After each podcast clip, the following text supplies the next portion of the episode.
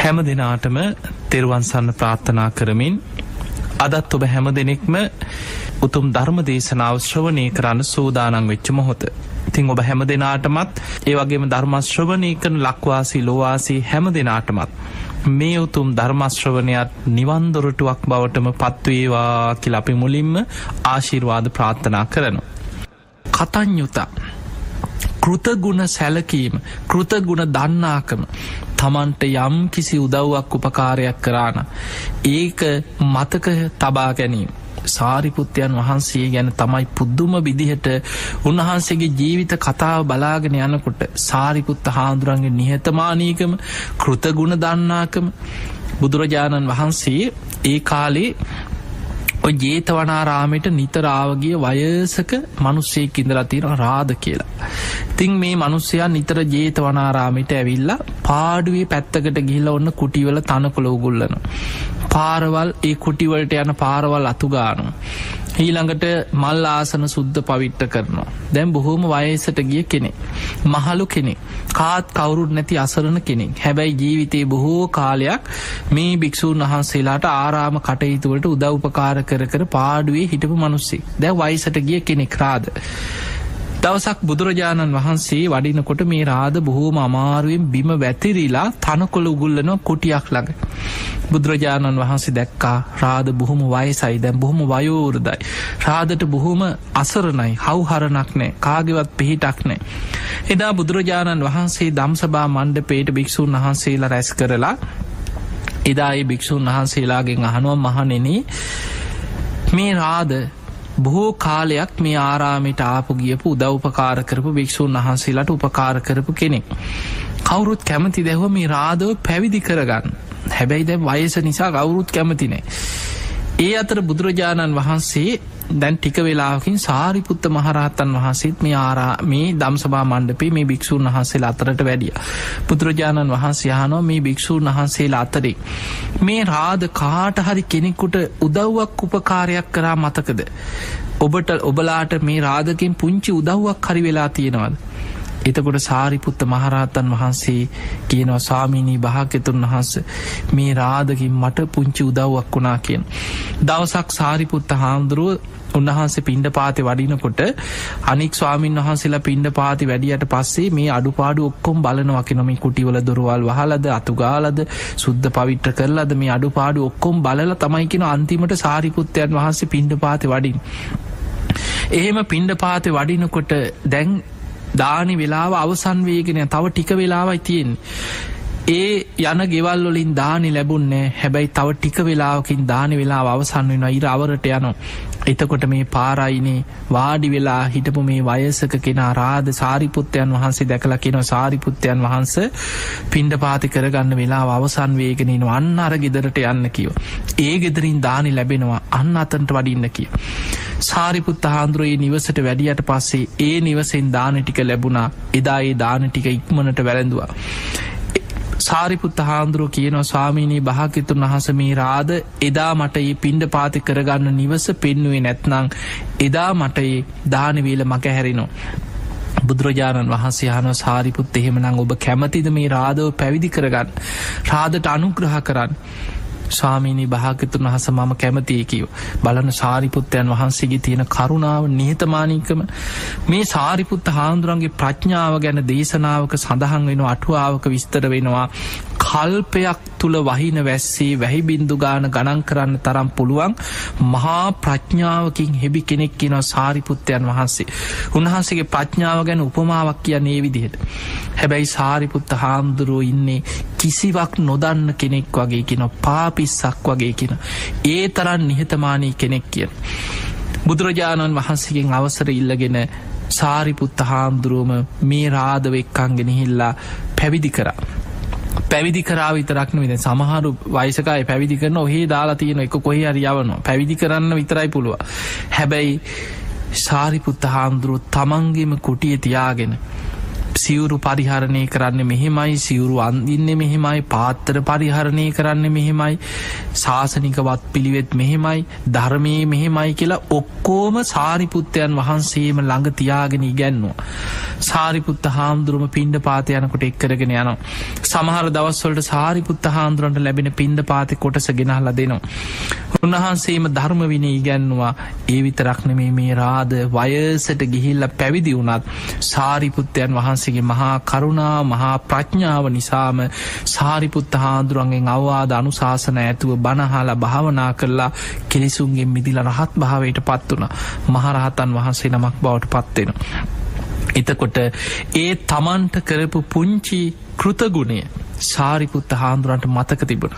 ඒ කෘතගුණ සැලකීමේ ගුණය ඔබේ ජීවිතේ තුළ ඔබ ඇතිකර ගත්ති නැත්නං ඔබ සමහර වෙලාට මොන තරං උගතෙක් වුණත් මොන තරම් බලවතෙක් වුණත් මොන තරං සමාජ ඉහලට ගියත් ඔබට ඔබ පරදින තැන මිනිස්සු නින්දා කරනවා කිසි කෙළෙහෙගුණයක් නොදන්න මනුස්්‍යය ක්‍රතික් කිසිම කෘතගුණයක් නෑ. මහ පවකාරය. ඔහොමයි මිනිස්සු බනින්නේ. ඔය මනුස්සයට කොච්චර කරත් කිසි ගුණයක් නෑ. ඒ විදිහට අපිට සමාජය ඇහෙනවා. මිනිස්සු කෘතගුණ නොදන්නාකම සමහරු ඉහලට ගියාට පස්සේ දන් අඳුරන්නේ වගේ. තමන්ටම උදව්පකාර කරපු කාලයක් තමන්ට උදව්පකාර කරපු කෙනා. මේ කවුද කියලාහන මන් දන්නෑ මෙයාව කියනවා. එතකොට ඒ තරං මාන්‍යෙන් ඉදිමිලා ජීවත්වෙන පුද්ගලයෝ ඉන්න. ඒ නිසා කෘතගුණ සැ අඩුගානේ ඔබට ලොකු දෙයක් බැරිවෙයි. හිනා වෙලා වච්චනකින් හරි කතා බහ කරලා. ඒ කෘතගුණ මතක් කරගන්න පුළුවන්නම් අනේ මේ කෙනාමට ඒ කාලි මෙහෙම උදව් කර මේ කෙනාමට මේ විදිහ මගේ ජීවිතයට උපකාර කරලා තින මට මේ විදිහට පිහිට වෙලාති ඒ දේ ඔබට නිතර තනියම හරි සිහි කරගන්න පුළුවන්න ඔබ මහාමංගල සූට්‍ර බුදුරජාණන් වහන්සේ පෙන්න්නනම් මංගල කාරණයක්. කාලේන ධම්ම සවන සුදුසු කාලයේ ධර්මශ්‍රවනය කිරීම. ඒ තම් මංගල මුත්තම මංගල කාරණය අද තරම් බණහන්න සුදුසු කාලයක්. මීට ඉස්සර මිනිස්සු බණහන්න ඔබම හිතන්.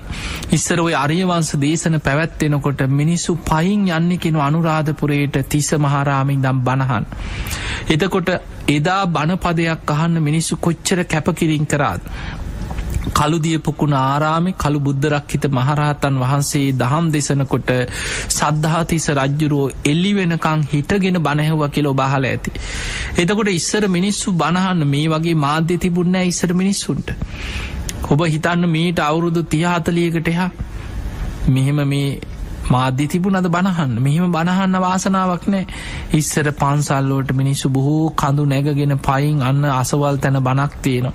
අසවල් දිහා ධර්ම දේශනාවක් පැවැත්තෙනොළු යමල්ල බණහන්න කියලා පැය ගනම් පයින් ඇවිදගෙන ගිහිල්ලා. වාඩි වෙලා බණටික අහලා මහාරෑ හුළු අතු අරගෙන. මිනිස් ඔහොම තමයි ගෙවල්ලෝට පිටත් වෙලා එන්නේ. එතකොට බණ පදයක් අහන්න දින ගණන් යොදුම් ගණන් පයින්ගියා ඉස්සර මිනිස්සු.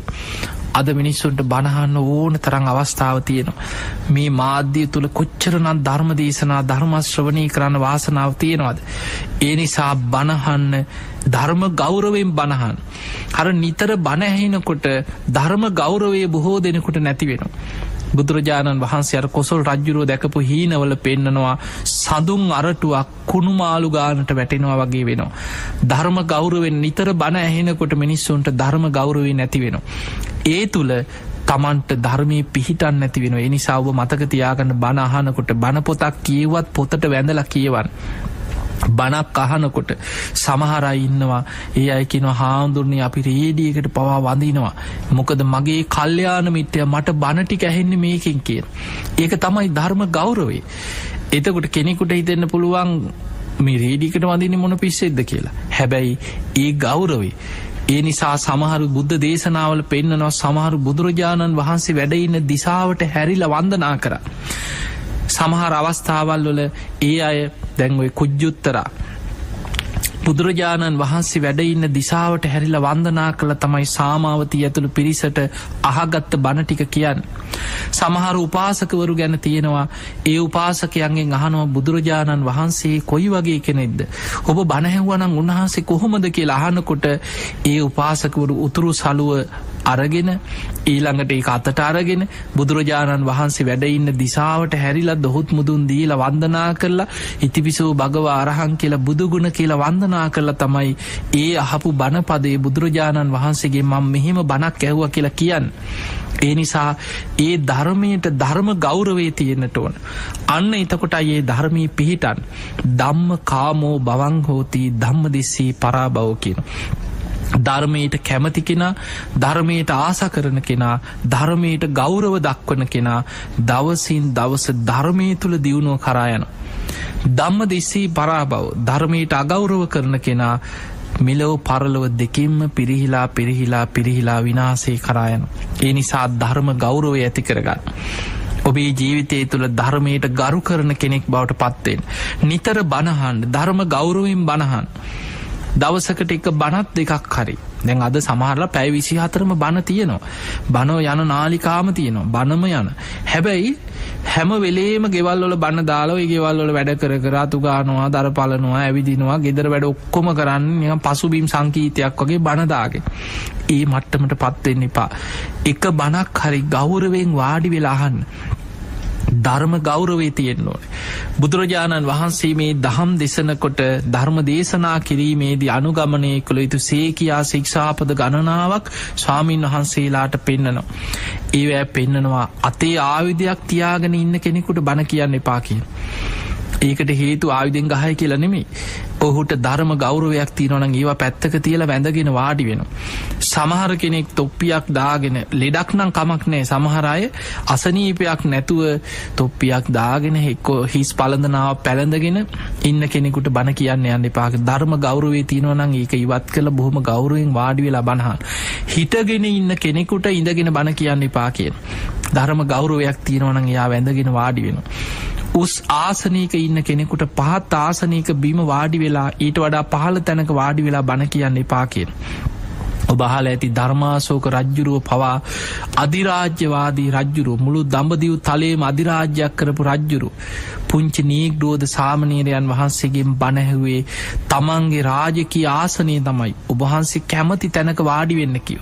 උන්වහන්සේ ගිහිල්ල වාඩි වුණේ රජ්ජුරුවන්ගේ සිංහාසනය මත වාඩි වෙලා තමයි රජ්ජුරුවන්ට දහම් දෙසුයි. ඒ නිසා බණහනකොට ධර්ම ගෞරවයක් ඇති කරගත්. අන්නේ ධර්ම ගෞරවයක්ත් එක්ක තමයි ධර්මය පිහිටන් ධර්ම ගෞරුවෙන් බණහන්. බුදුරජාණන් වහන්සේ මහා මංගල සූත්‍රයේ පෙන්නපු මේ ගාථාවිතින මංගල කාරණා ඔබ අද දවස ඔබේ ජීවිතයට ඇතුල් කරගන්න දක්ෂවෙන්. කාලේන ධම්ම සවනං ඒ තම් මංගල මුත්තමං. කාලේන ධම්ම සවනං. නිතර බණහන්න සුදුසු කාලයේ ධර්මශ්‍රවනය කරන්න. ඒ තම් මංගල මුත්තම. මෙන්න මේ මහා මංගල සූත්‍රය ඇතුළත් මේ කාරණා ඔබේ ජීවිතය තුළ ඇති කරගෙන ඔබ හැම දෙනාටමත් උතුම් වූ ධර්මයම අවබෝධ කරගන්න වාසනාවම ලැබේවා ලැබේවා ලැබේවා කෙලපි ඔබට ආශිර්වාද ප්‍රාර්ථනා කරන. අද මේ උතුම් ධර්මශ්‍රවනයෙන් රැස් කරගත්ත සියලුපින් සියලු දෙවියෝ සාධු කාරදිදී මේ පින් අනුමෝදන් වෙත්වා. දෙවියන්ගේ දිවි අසයිසුරු වාර්ධ වර්ධනය කරගෙන සියලු දෙවියෝතුම් නිවනටම පත්වේවා කියල සාදු කියල දෙවියන්ට පින්දෙන්.